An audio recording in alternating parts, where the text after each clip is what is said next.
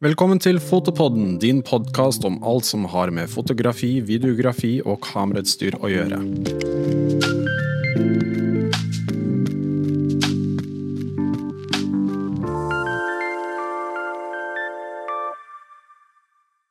Velkommen alle sammen til eh, vårt nye podkaststudio. Vi driver og har eh, bygget et nytt et. Det er derfor vi har vært litt eh, borte nå. Så vi har liksom i påsken malt litt grann og fiksa opp og fått litt sånn lydpaneler og sånne ting. Så de som følger med på YouTube, kan få se hvordan dette ser ut.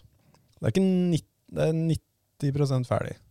Så det er bare litt sånn småtter igjen.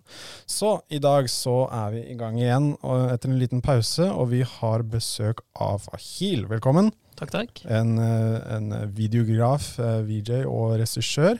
Eh, og jeg vil nok si at jeg skulle se på og prøve å skrive liksom hva det er faktisk som du filmer, så var det veldig mye forskjellig.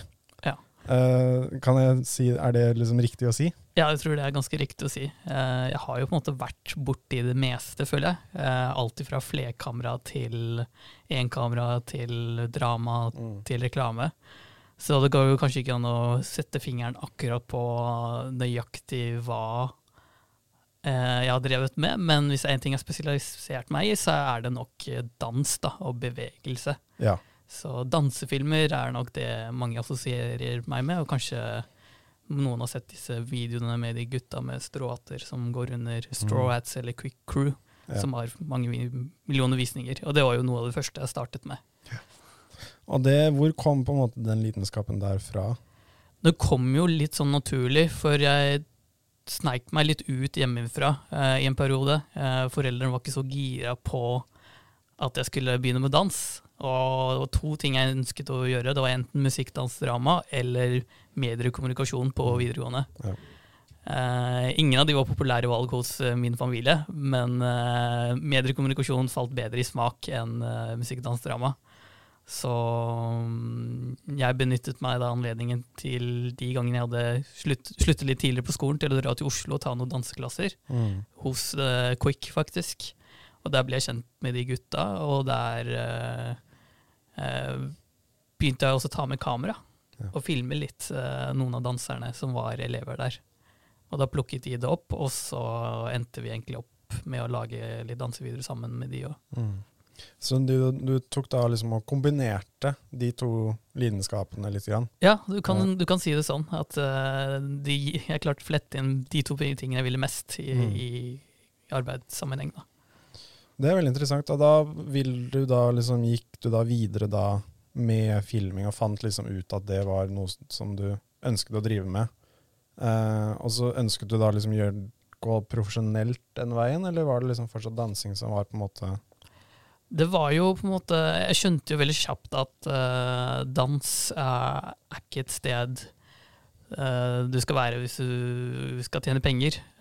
det er det er på en måte Det er ikke fotografi akkurat heller, da. Det er kanskje ikke fotografi heller, men det kommersielle aspektet ved foto, der kan du på en måte leve ja. godt hvis du er ganske inn i det miljøet der, da. Mm. Men i dans så er det nok litt vanskeligere, og du må være mye mer dedikert. Og jeg var, jeg var ikke såpass dedikert i dansen, skjønte jeg, at jeg kommer til å tjene penger eller leve av dansen på samme måte som jeg brant for film og foto, da.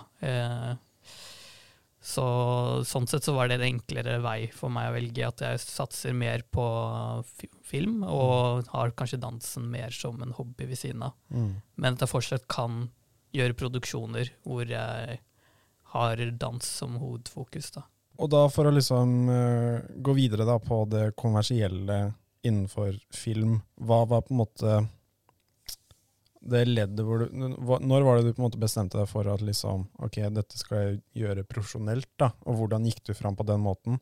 Altså, Etter videregående så hadde jeg tenkt å dra på en filmskole i Vancouver. Um, jeg hadde kommet inn uh, der ganske godt, for jeg hadde søkt på den skolen allerede jeg starta på videregående. Uh, og sendt inn noen filmer jeg hadde gjort underveis, og til og med fått scholarship fra Vancouver Film School.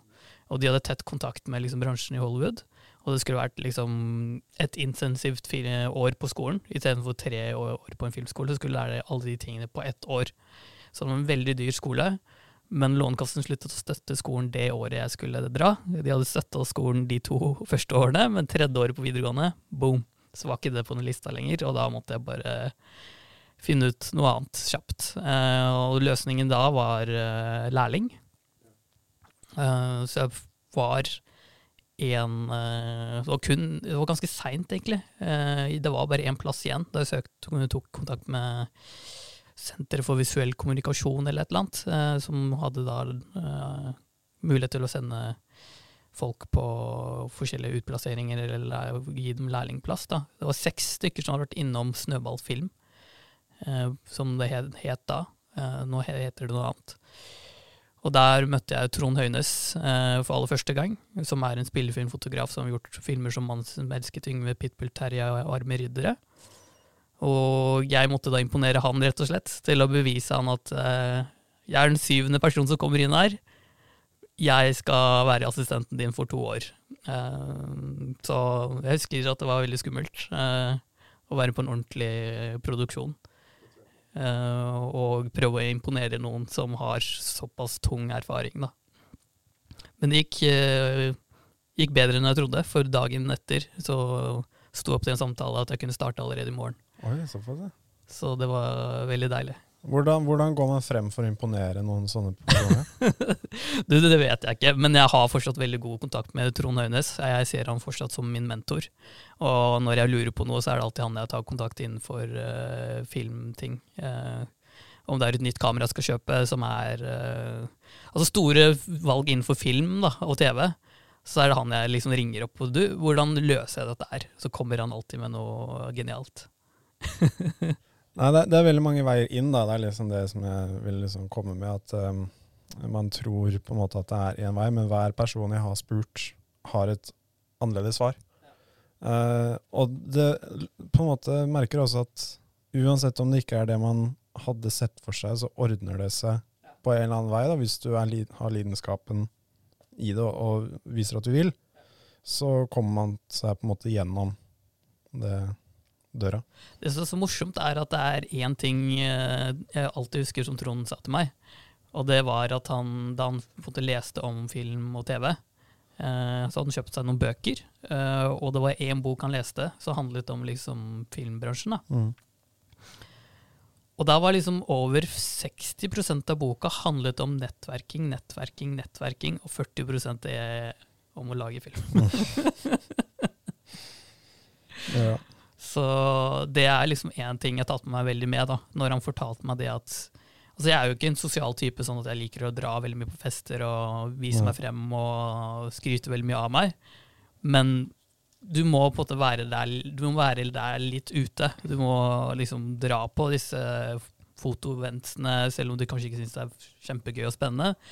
Men dra dit, bare sørg for at uh, folk bare har sett deg. Ja. Og kanskje noen hilser på deg og vet hvem du mm. er. da.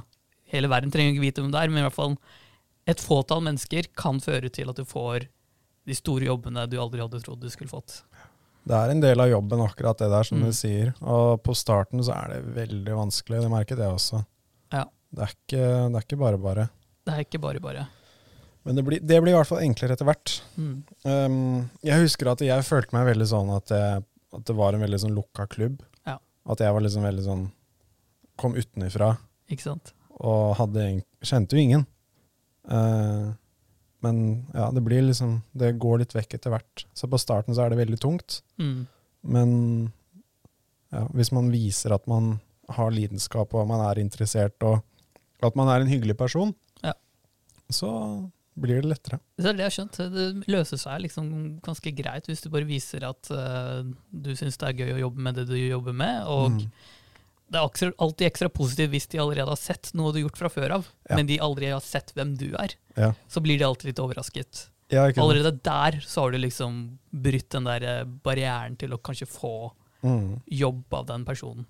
Og det er sånn interessant ting, fordi altså, nå om tiden så er det utrolig mange forskjellige plattformer ja. som produksjoner blir, laget for, blir, lagt ut på, men det er på en måte allikevel de knaggene store kundene som folk kan på en måte de, Hvis du sier at du har jobbet for dem, så er det på en måte Du er liksom litt akseptert Ja. på en måte hos noen folk. Mm. Uh, så selv om man har liksom jobbet i tre-fire år, men hvis du ikke har hatt liksom én produksjon på NRK, så allikevel så er du litt ukjent, da. Ja, det er en sånn slags trygghet folk har. ikke sant? Hvis du sier Mm. nei, eh, han er NRK-fotograf, nei, han er NRK-klipper, Ja. han har jobbet hos Monster. Og så er det sånn assosi- assosiasjon de får, da. Ja. Og når de får den assosiasjonen, så er det lettere for de å liksom stole litt mer på deg, og at du, de vet at du kommer til å levere de varene de ønsker seg. da. Mm. Og jeg tror kanskje også bare at man har hørt de tingene ved siden av, selv om jeg kan si på en person på videregående, om han hadde levert akkurat samme produkt som en proff fotograf, bare man hadde hørt at dette er en proff fotograf og er, har masse assosiasjoner med disse selskapene, Ja. men det er akkurat samme bilde, Ja. så ville man så at det bildet, bare for man har sett det fra den personen, er så mye bedre enn det den eleven på videregående som man nettopp starta med, som har tatt akkurat sånne bilder, hadde vært bare av den liksom, kredibiliteten den personen har. Ja. Nei, du har helt rett. Man forventer liksom at alt den personen leverer, er sånn Wow, det er så mye bedre. og bare sånn. Man legger nesten på et filter. Ja. Automatisk filter. Sånn at dette her, det den personen leverer, er alltid bra. Så det filteret har du alltid på. Men det, jeg det, det var en av tingene som jeg ble veldig litt sånn overrasket over. Sånn jeg følte at alle visste nøyaktig hva de drev med hele tiden. Men så viser det seg ikke. Det er jo ikke sånn. Og jeg, jeg var sånn, jeg var veldig sånn Jeg gleder meg til jeg kommer til det punktet hvor jeg kan liksom være sånn Nå vet jeg hva jeg driver med. Da tror jeg du rett og slett er en dårlig og kjedelig fotograf når du kommer til det punktet. For da gjør du akkurat det samme. Ja, det er det. Så det er sånn, hele tiden så skal du liksom utfordre deg selv lite grann. Mm. Men til og med på det høyeste nivået så gjør de jo det fortsatt. Hvor de er usikre og tviler og spør andre folk og sånne ting. Da. Nysgjerrighet. Ja, det er Du, litt du må være nysgjerrig, rett og slett. Er du ikke nysgjerrig lenger, så er du jo ikke, Nei. er du ikke god lenger. Og sånn er det. Du må liksom Du må føle at det du lager er liksom bra også, men du må også føle at det er potensial til å gjøre det enda bedre. Ja. Og hvis du ikke har den der følelsen jeg kan gjøre det enda bedre, Mm. så er det ikke gøy lenger, og da kommer du ikke til å utvikle deg. At du blir litt nervøs når du legger det ut også, for å liksom vise det til andre. Ja, liksom da har litt sånn Shit, hvordan blir dette akseptert? Ja. Eller kommer det Og det er masse sånne rare filmer som er liksom lagt ut, og så tenker jeg Åh, den her var dårlig, og så sier mange folk å, den var dritbra. Og så legger jeg ut en film som jeg syns å, den her var dritbra, og så sier jeg folk sånn halvveis. Så Ja. sånn, ok, det, det er ikke jeg som bestemmer, tydeligvis, på Det er veldig merkelig det, fordi vil. noen ganger så er det ak- akkurat sånn. Da, ting som Mm. du ikke tenker noe særlig over, og bare har på en måte laget og bare lagt ut, er veldig ofte det som blir veldig populært. Ja. Og så det motsatte, hvor liksom ting du jobber skikkelig lenge med, og sånne ting. Så tenker Dette kommer hver eneste detalj. Det Ja, ja. liksom ekstremt mye, og så er det bare sånn ja, og, og kult. Kult klipp. ja. Og så er det klippen du har lagt minst arbeid i, og så er det alt Ja, annet Liksom. Det er sånn, andre fotografer kan være settere og skjønne greia, på en måte, men de Det vanlige andre mannen på gata, liksom, han, mm, han ser noe annet. Nettopp.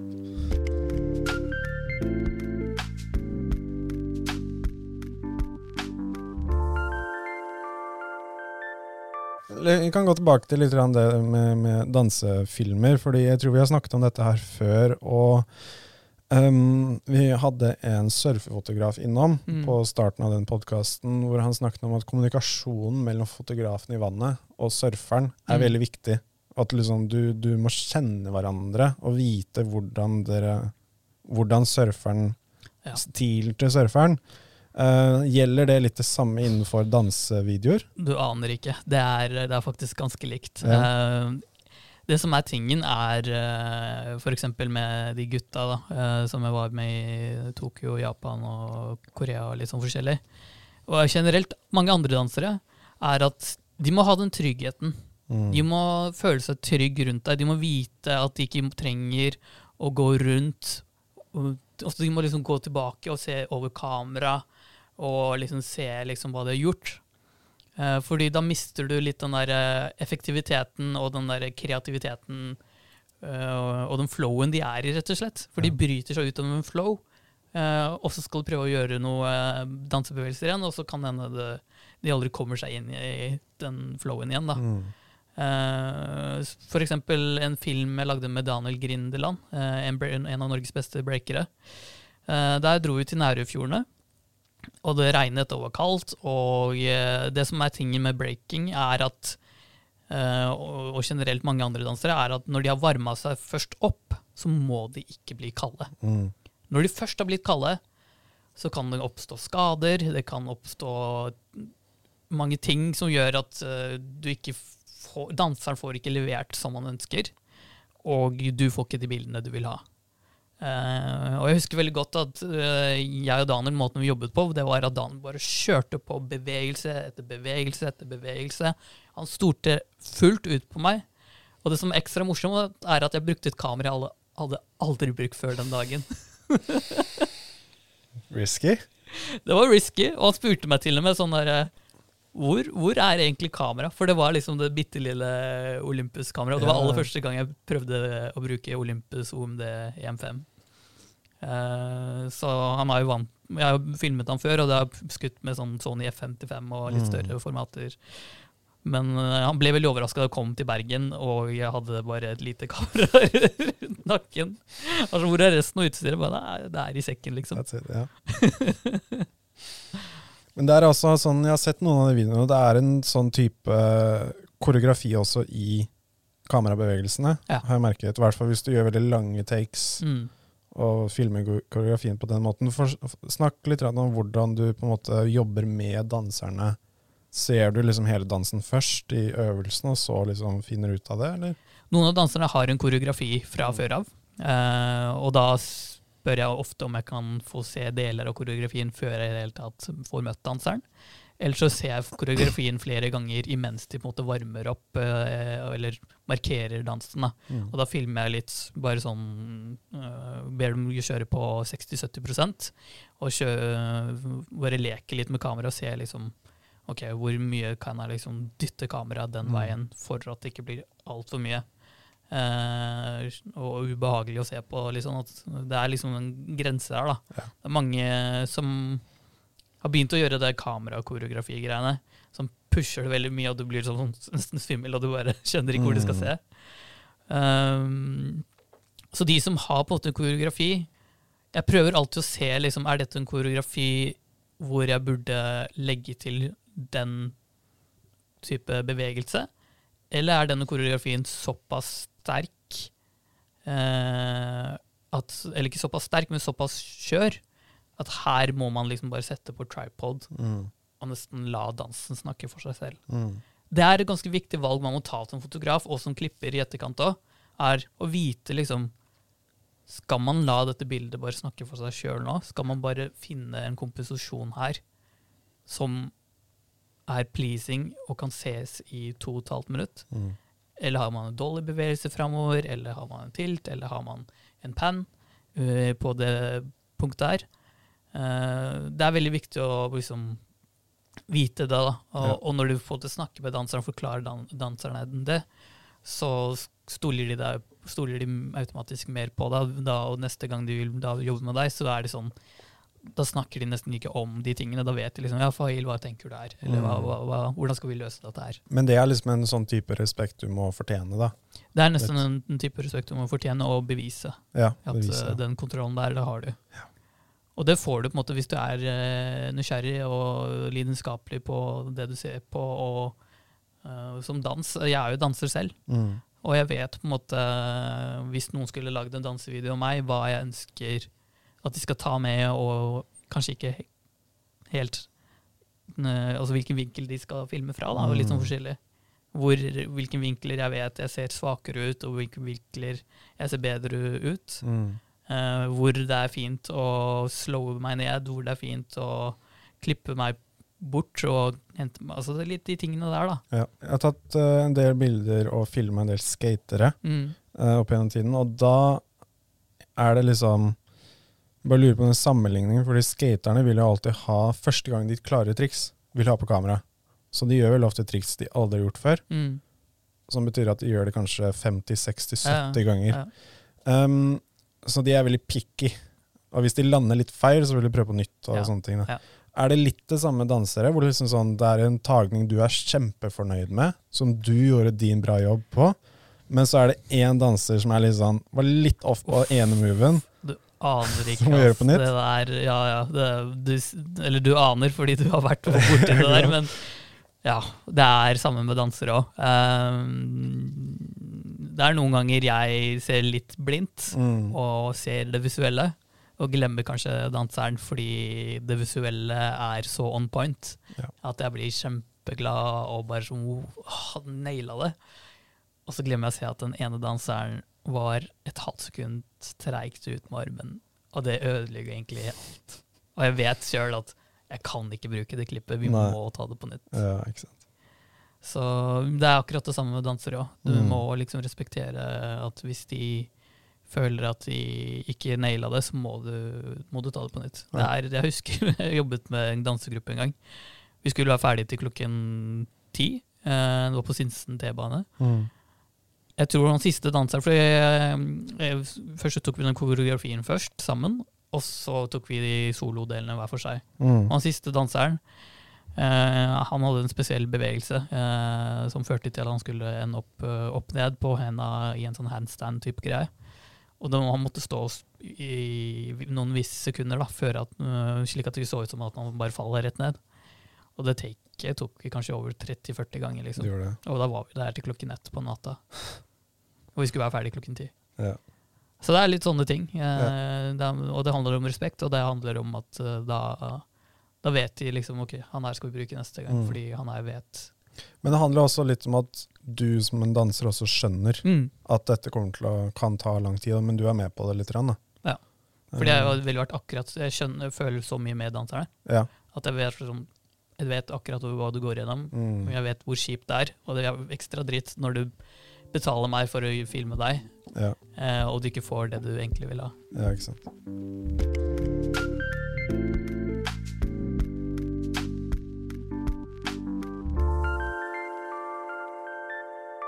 Da kan vi gå litt på det kommersielle, da. Ja. Som, eh, som eh, Her er det mye rart. ja, der er det mye rart. Men eh, du var med på den NRK-produksjonen Ja.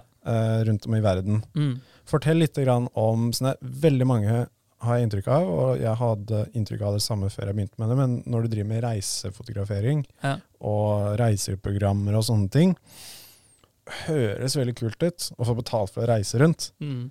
Men realiteten er litt annerledes. Den er litt mindre glamorøs, og den er litt mer stressende enn folk tror. Ja. Jeg bare lurer på om det er også noe du også har opplevd?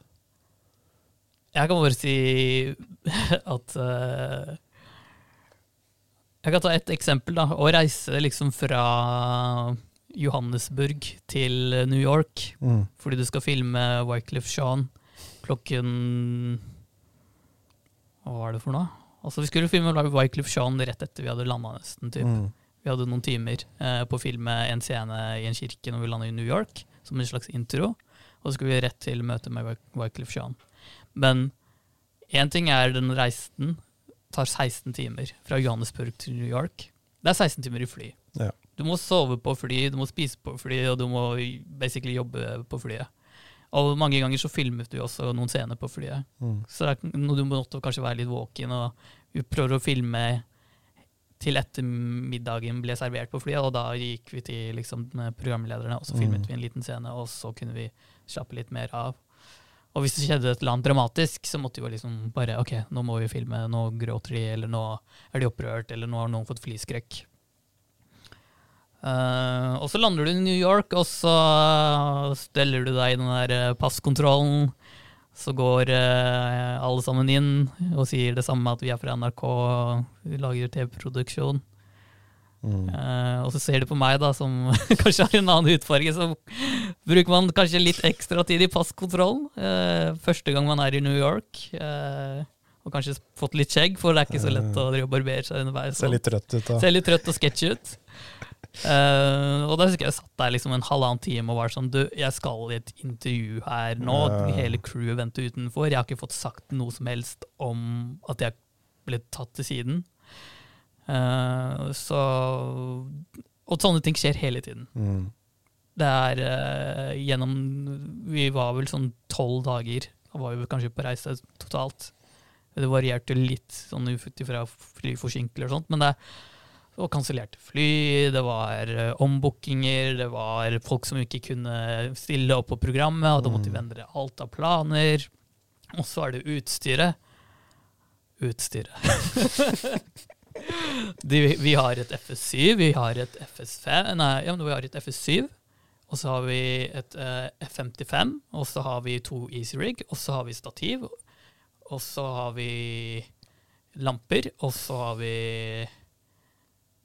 uh, en del sånne V-lokk-batterier. Uh, og så er det lydutstyr, og så er det droner. To-tre droner. Det er ikke to-tre droner, to droner. Jeg hadde med Phantom og Mavic. Eh, og så er det eh, det lille kameraet. Eh, speilrefleks og eh, Eller Olympusen. Eh, Mm. Speilløse.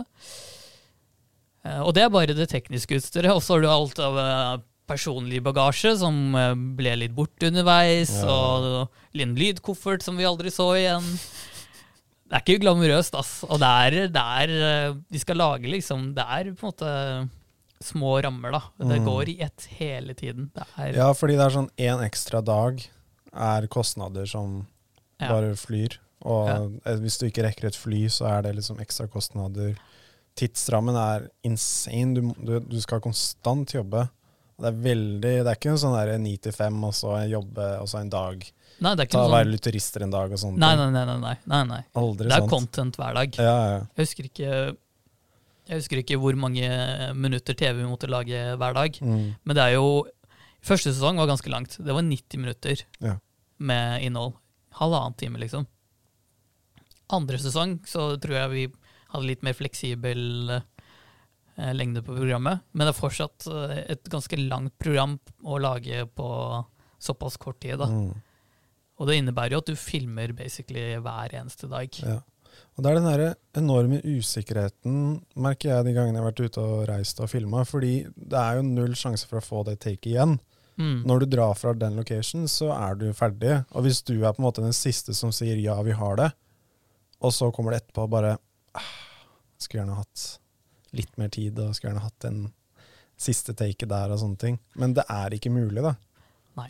Og det er sånn du kommer da i redigeringen, og så begynner liksom å merke at alle de tingene som Sikkert mye sånn B-roll footage som du bare merker at du skulle gjerne hatt mer av, og Ja. masse sånt. Det var, vi lærte veldig mye av første sesong. Altså Mm. jeg, mitt, uh, mitt hovedområde, eller mitt hovedansvar da, på produksjonen var jo på en måte å skyte mye B-roll. Mm. Uh, det var Cato Katza Johansen som uh, var A-foto på det. Og så var jeg på en måte B-kamera på det da, med FS7. Så han Mm. skjøt med F55, og jeg skjøt med FS7. Egentlig ganske greit, for jeg er en liten person, og jeg hadde ikke takla et F55 med den der Canon 17 til 120-linsa. Det er ganske tungt opplegg, men Canon er en, altså, Cato er en stor og sterk mann, Ja. eh, og jeg er en litt mindre sterk mann, så det var en fin kombo. Og de matcha ganske greit, egentlig, de to kameraene sammen. Mm. Um, så jeg, eh, det ofte som vi gjorde da, var at jeg ble med lokal fixer, eller at jeg dro på egen hånd, og skjøt liksom de mest eh, turist... eh, Kanskje ikke alltid turiststeder, men de mest kjente stedene, Mm. eh, eller spesielle stedene eh, i landet, da. Som er liksom mest sånn eye-pleasing TV-candy-bilder, da. Uh, og de gangene det var et scenario hvor du skulle møte et steg i programmet, så måtte jeg løpe tilbake og være med på tokamerasetting der. Slik at jeg filmet da kjendisen eller eh, det steget vi skulle da filme. Mm. Cato filmet da programlederne konstant. Ja. Hele tiden, liksom. All the time. Kamera er med på restaurant kamera er med overalt.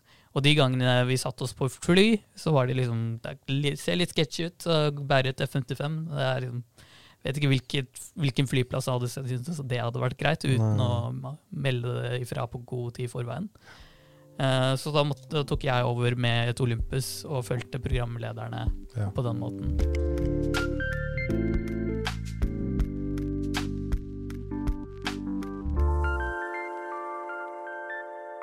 Når det kommer til um, Jobber du fast, eller jobber du frilans, eller er det begge deler? Jeg har jobbet frilans eh, etter videregående. Eh, det eneste jeg har kanskje gjort fast, er en liten periode her i butikken, Ja. faktisk. Ja, så- Jeg jobbet jo på Interfoto kanskje to år. Ja. Jeg husker ikke helt. Det var liksom Etter videregående så syns jeg liksom Interfoto var en av de peneste butikkene. Ja, ja, ja, fotobutikken var sånn wow, her, her har jeg lyst til å jobbe, her har jeg lyst til å legge inn en søknad. ja. Så fikk jeg jobben, og jobbet uh, en del her. Uh, Mm. Og det var mest for jeg ville bli også kjent en del med uh, utstyret. Det nye utstyret som kom, og liksom Jeg var veldig nysgjerrig og gira på å liksom bare komme i gang og liksom vite sånn Ok, hvis jeg skal ut og gjøre en produksjon, hva er det jeg faktisk trenger for Mm. min egen del? Og det, det fikk jeg lære ganske mye her, da, for jeg fikk lov til å liksom teste, det, teste mye ut av utstyret. Uh, slik at jeg også kunne selge det enklere til kundene i etterkant. Man, Mm. man vet liksom hva, hva gjør kamera, og hva er mulighetene i kamera. Så får man jo lov til å åpne kamera og se litt på det. Og sånn, ok, greit, dette er funksjonen på kamera. Og hvis det kommer en kunde inn, så vet du ok, å ja, du skal skyte dette, ja. ja Da Mm. trenger du et sånt kamera som dette er, for dette kan det, det, det, det, det. Mm. Å ja, du skal på tur? Men det funker alle disse kameraene her. Utenom det, for det er litt tungt. ja, ikke sant. Hvordan er eh, frilanstilværelsen nå? For min del da, så har det lønnet seg å kunne flere ting. Ja. Eh, jeg gjør ikke kun foto. Eh, og det sa de jo innholdsvis, at jeg gjør og er litt VJ og litt regi og litt andre ting òg. jeg føler meg mest komfortabel med foto, filmfoto, eller videofoto, liksom. Men jeg har begynt å pushe meg veldig mye på klipp, begynt å pushe meg veldig mye på regi. Mm. Og uh, også nå her har det jo oppstått en veldig spesiell situasjon som gjør at man må tenke annerledes. Ja. Og jeg hadde aldri trodd at jeg skulle begynt med å levere streaming Nei. til kundene mine. Det har blitt populært nå, altså. Det har blitt veldig populært, og jeg ble overrasket over hvor enkelt det var.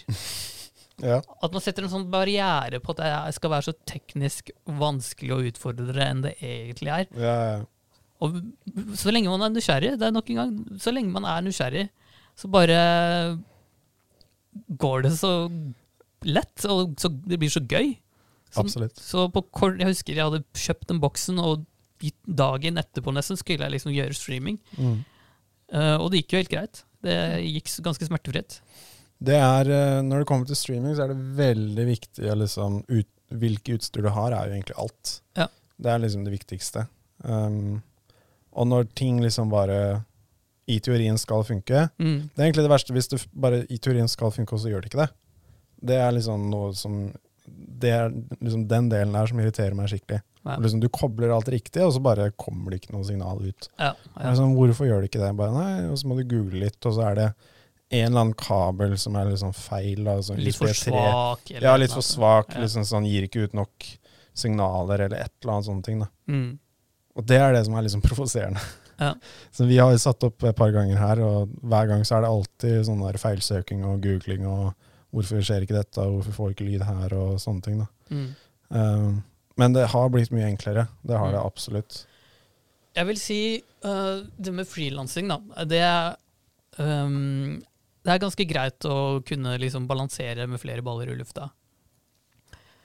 Jeg, det er flere ting liksom, jeg har gjort i det siste som jeg hadde ikke trodd på en måte skulle være min greie. Mm. Eh, det, at droner ble liksom så stort som det ble, og fortsatt er liksom en greie. Um, Jeg startet jo med det ganske tidlig, og skjønte jo liksom shit, dette her er en greie som kommer til å bli nå i bransjen. Mm. Um, og jeg lekte jo rundt med en Phantom 2, tror jeg det var, med en GoPro på. Ja, for det var litt sånn man måtte gjøre, og også med sånn link eh, ned, som var skikkelig dårlig, som hakka veldig. Og Mista signalet litt. mista signalet ofte. Måtte trykke rekord før Måtte trykke record før du fikk den opp i lufta. Altså, batteri var et problem. Og det var mye, mye som kunne gå galt, og du satt Mm. liksom bare med hjertet i halsen konstant. Det var ikke sånn der eh, fly home-funksjon på det greiene der. ingenting. Ingenting. Men det var ikke noen sånne forbudssoner heller. Du bare Nei, du kunne gjøre hva søren ville. det Gikk ned på Grünerløkka, bare fly opp. Ja, det var basically det. Og så kom jo Luftfartstilsynet og litt andre folk inn og sa sånn Ok, nå begynner det å bli litt mange droner i lufta her. Så hadde du alle disse skrekkhistoriene, da. Men um, jeg husker veldig godt at uh, jeg startet med det, og det var noen av meg som hadde sett i en dansevideo jeg hadde lagd i Korea, hvor jeg hadde brukt litt drone, Mm. med tillatelse. Mm. Eh, og så hadde han spurt om jeg ikke ville være med på 71 grader nord. Og jeg var sånn Hva skjedde nå? nå? Nå skal jeg gjøre drone på 71, liksom, ved å bare liksom teste ut Ja. en drone. Og det er litt sånn man får litt jobber. Man gjør noe som kanskje ikke alle tilbyr der og da, Mm. men som man ikke helt skjønner der og da, eller kommer til å bli et stort behov. Så det, det er litt sånn det er, det er trender i frilansmiljøet òg. Mm. Det er eh, eh, viktig å følge med hva folk driver med, og viktig å følge med hva kun, hvor kundene ønsker at ting skal være. Mm. Hvordan kundene ønsker at ting skal produseres, og hva de trenger eh, av deg. da. Eh, Men det er også det å teste ut ting, som du sa. Ja. Eh, vi hadde jo han der Thomas Engeseth innom, og han sa at liksom Fordi han lager veldig mye sånn Instagram-innhold, mm, og da får han bare testa ut masse forskjellige ting Ja. bare for gøy. Men det ender opp med å skaffe han jobber, mm, pga. at folk ser faktisk hva han kan gjøre. Og de sier sånn Ja, han, han skjønner de greiene der. Og da plutselig så får du jobber ut av det. Ja. Liksom bare ting som de gjorde bare litt for gøy. ja, ikke sant? Og så plutselig får du betalt for det. Ja, Du ender opp med en stor produksjon du tenkte liksom? Hva skal de med meg? Har ikke Ja. de helikopter, liksom? Ja, ikke sant? Nei, hvis du kan gjøre det, så kan du gjøre det. Da er det bra. Ja. Og nå har det blitt standard. Ja. Jeg tror de bruker veldig lite helikopter nå øh, enn de gjorde før. Mm. Uh, Hvordan, det, hvordan var det å reise med drone? reise med drone Fordi det er jo noen land hvor det er totalforbud nå. Altså, det var noen land jeg bare fikk migrene av å tenke på at jeg hadde med meg to droner. Ja. Uh, jeg, har ikke, jeg har ikke lyst til å tenke på det engang, for det var Man skal være veldig forsiktig med hvilket land man tar med droner inntil. til. Uh, et av de landene er jo selvfølgelig Israel. Mm. Uh, der husker jeg at alle andre, og nok en gang, kom seg rett inn i landet. Sitter jeg der, meg i tre timer, og uh, vi hadde ikke med drona. Vi, vi klarte å levere drone hjem før vi dro Smart. til Israel. De var ikke med oss, eh, for vi visste at her må vi bare kjøpe noen stocks eh, for å få klippa programmet. Mm. Um, så nei, det er, det, er, eh, det er ikke så gøy å reise med drone, men de fleste land, så lenge du følger retningslinjene, uh, syns det er greit. Uh, og de fleste som fleste flyplasser i dag har på en måte en slags rutine Ja. på det å sjekke droneutstyret og batterier og litt sånn forskjellig. Eh, Jeg fikk et tips uh, eh, om at liksom, det er veldig viktig å ha papirene med seg som viser de retningslinjene. mm, Så det, veldig, det kan hende at det er noen i sikkerhetskontrollen som ikke er oppdatert på dem. Ja. Men at du har med de reglene for det landet du skal til, også. mm, Og så vise hva slags type batterier det er som skal på flyet og sånne ting. Da. Ja. Også veldig viktig. Ekstremt viktig. Mm. Så det er tips til alle som skal ut og reise. Bare Ja. ha med alle dokumentene, og Ja. gjør det på den ordentlige måten. Eh, hvis ikke så er det litt kjipt. Ja, det er ikke noe vits, eh, spesielt når det er så mye penger på spill òg. Ja. i den produksjonen. Og det er ikke sånn at de bare holder dronen for deg til du skal ut av landet igjen. Den forsvinner. Veldig ofte. I, stor, altså I mange tilfeller så gjør den det. Mm. Du, har du flaks, så holder de ordet sitt, og du får den tilbake. Men Ja. det er mange land som er sketchy. og Jeg har vært i Marokko et par ganger og filma, og Ja. der var det liksom bare Der er det ikke snakk om å ta den med en gang. Nei. Fordi de tar den fra deg, og that's it. mm. Får den ikke tilbake. Be, Det er bedre å spare penger og heller kjøpe seg en drone i det landet. ja, ikke sant? Det kan nesten det.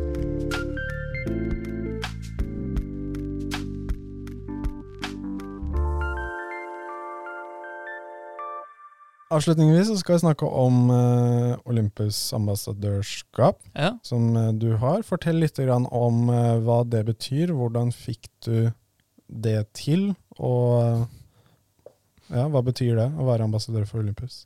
Det har vært helt rått, egentlig. Jeg er supertakknemlig for den muligheten Olympus og Annika i Olympus har gitt meg, å være ambassadør for de. Um, Det var jo et kameramerke jeg ikke kjente til så veldig godt til fra, fra før av. Mm. Det eneste jeg har hatt fra Olympus, er liksom Olympus Mew. Det lille filmkamera, liksom. Mm. Fullformat filmkamera, 35 mm. Utenom det så kjente jeg liksom ikke til eh, Olympus og trodde det var mer liksom en bloggergreie. Ja. Unnskyld, nå er det sikkert noen som blir provosert, men eh, Nei, men de, har, de har markedsført de har markedsført seg veldig hardt mot akkurat mm. bloggere og influensere og sånt. Eh, så det var sånn jeg assosierte til de. Men eh, tydeligvis er det også et pro consumer-marked der, Mm. som jeg ikke kjente i, til så godt. Og jeg husker eh, at jeg skulle leie en del utstyr, og da sto Annika tilfeldigvis der fra Olympus. Og hadde med en del Olympus-utstyr, for det var, de har jo sånne stands noen ganger i butikkene Mm.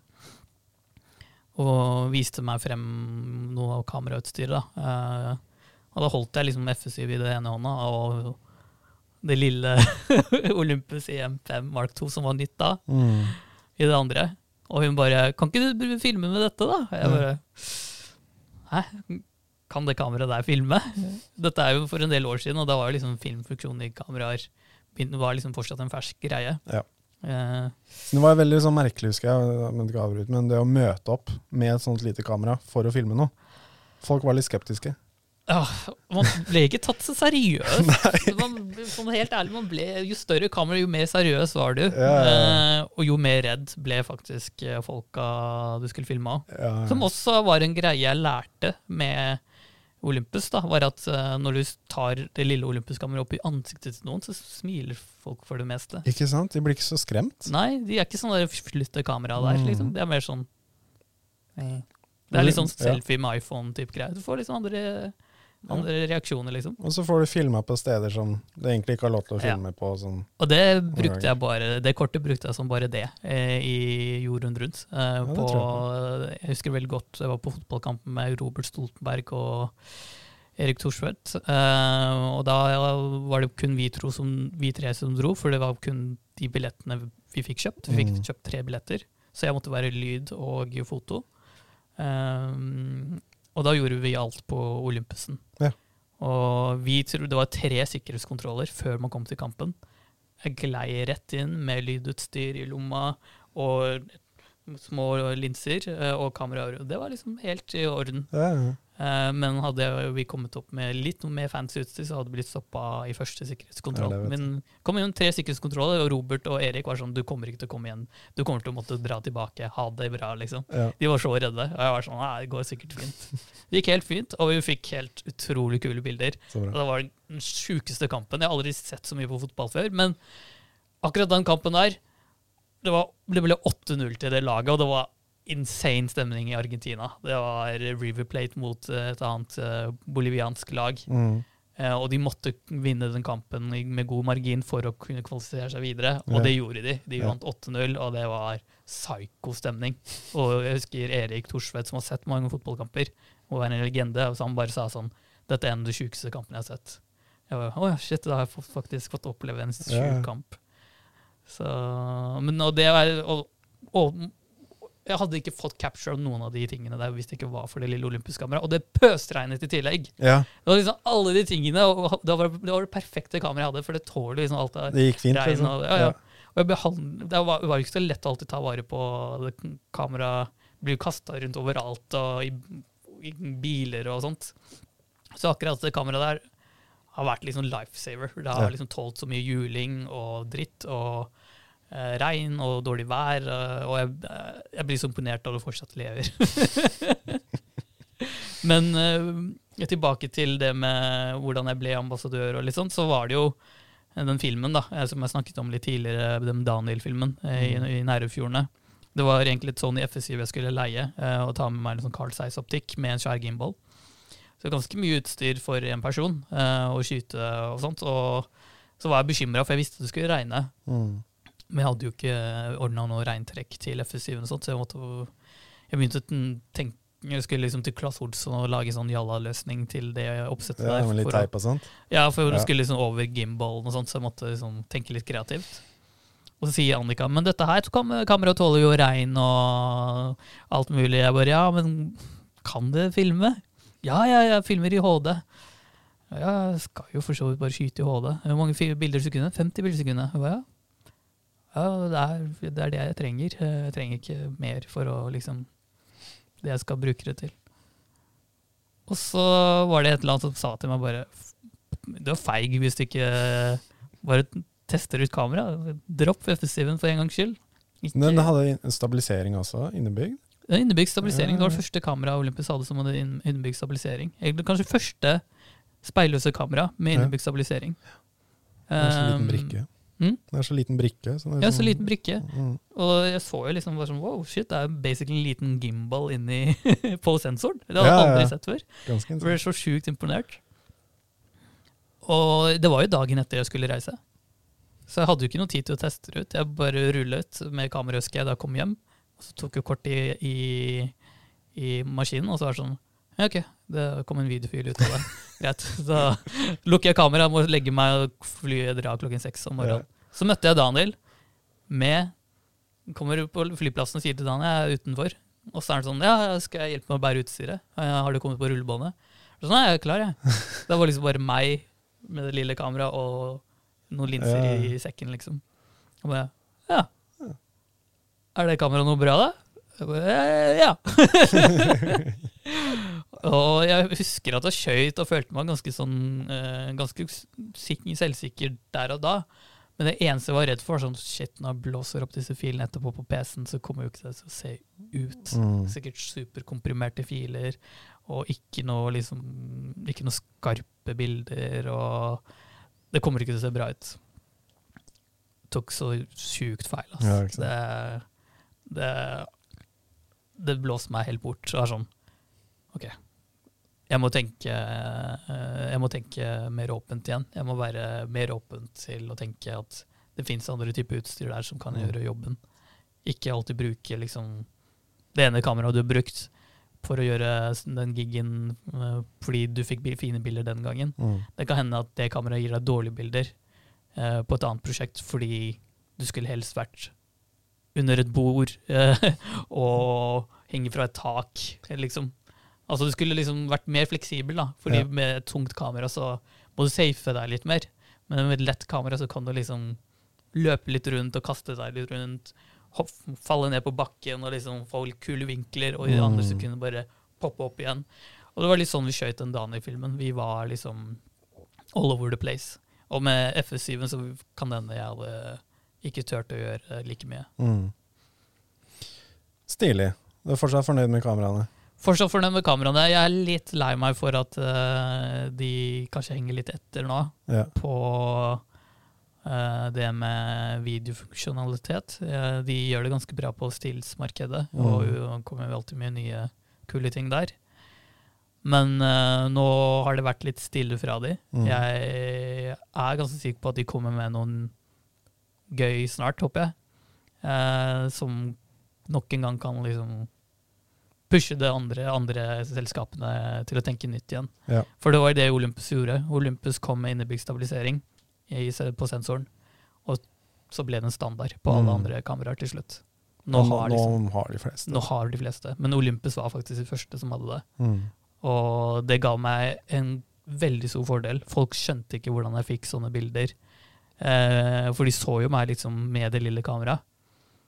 Og så så de materialet og så var det sånn "Men Hæ, brukte du gimbal? Mm. Nei. Men hvordan, hvordan ble det så Hæ? Men jeg skjønner, skjønner ikke. Og det som også var gimbal, var at gimbal ble også en look. Man så veldig fort når folk hadde brukt gimbal, på grunn av at du fikk ikke du fikk ikke akkurat ponorert akkurat som du vil, for da er liksom Nei. en slags lag der, eller en det, var, det er noe sånn unaturlig med en gimbal som setter en stopper for alle de bevegelsene du ønsker å ha. Eh, imens hvis du har det liksom i hånda og kan trykke på knappene og skifte alle tingene der og da, så slipper du liksom å holde en gimbal sånn, og så Mm. ta det ned, og så endre på noe ting, og så holde gimbal sånn igjen. Ja, nei, Jeg skjønner hva du mener. Jeg foretrekker håndholdt, jeg også. Ja. Så jeg gjorde mye research, for jeg kjøpte liksom et kamera jeg skulle bruke mye, og da landet jeg på den GA5-en. Mm. 99% på grunn av innebygd stabilisering og videofunksjonene som den hadde. da. Ja. At den ikke stoppet etter 30 minutter og sånne ting. da. Ja. Så nei, men det er sånn, Gjør mye research på forhånd når man skal kjøpe et kamera, så finn Man blir overrasket over uh, hva de, mange av kameraene faktisk tilbyr, Mm. som man ikke regnet med. Jeg tror man må bare liksom skjønne litt sånn hva er det du egentlig trenger. Ja. Eh, er du opptatt av liksom det mer enn det andre, så kan det hende det kameraet ikke er bra for deg likevel. Mm. Eh, det, det er liksom hvordan liker du å jobbe. Eh, Jeg tror han eh, Erik her sa at man skal, man skal ikke kjøpe et kamera som er større enn det man orker å ha med seg. riktig. Så det, blir, det er liksom viktig, da. At hvis du lar det være igjen hjemme fordi det er så stort og tungt, og, så gidder man liksom ikke å Hvis det ikke passer i sekken din, f.eks. Da tar du ikke det med deg lenger. Nei, det og da Hvis det blir litt for dyrt òg, ikke sant. Og sånn som Ja. vi snakket om i stad, sånn som jeg viste i stad, at jeg skater jo litt grann, for Mm. å komme fra A til B. Og da må jeg ha et kamera som jeg kan ha i sekken, som jeg ikke er så redd for. Men hvis jeg har et kjempedyrt kamera, så tør jeg ikke det. Nei, nei. Og da vil du aldri få noe. Nei, da tar jeg det Da ikke med kommer du aldri med hjem Kommer du aldri hjem med noe gull, liksom. Nei, nei.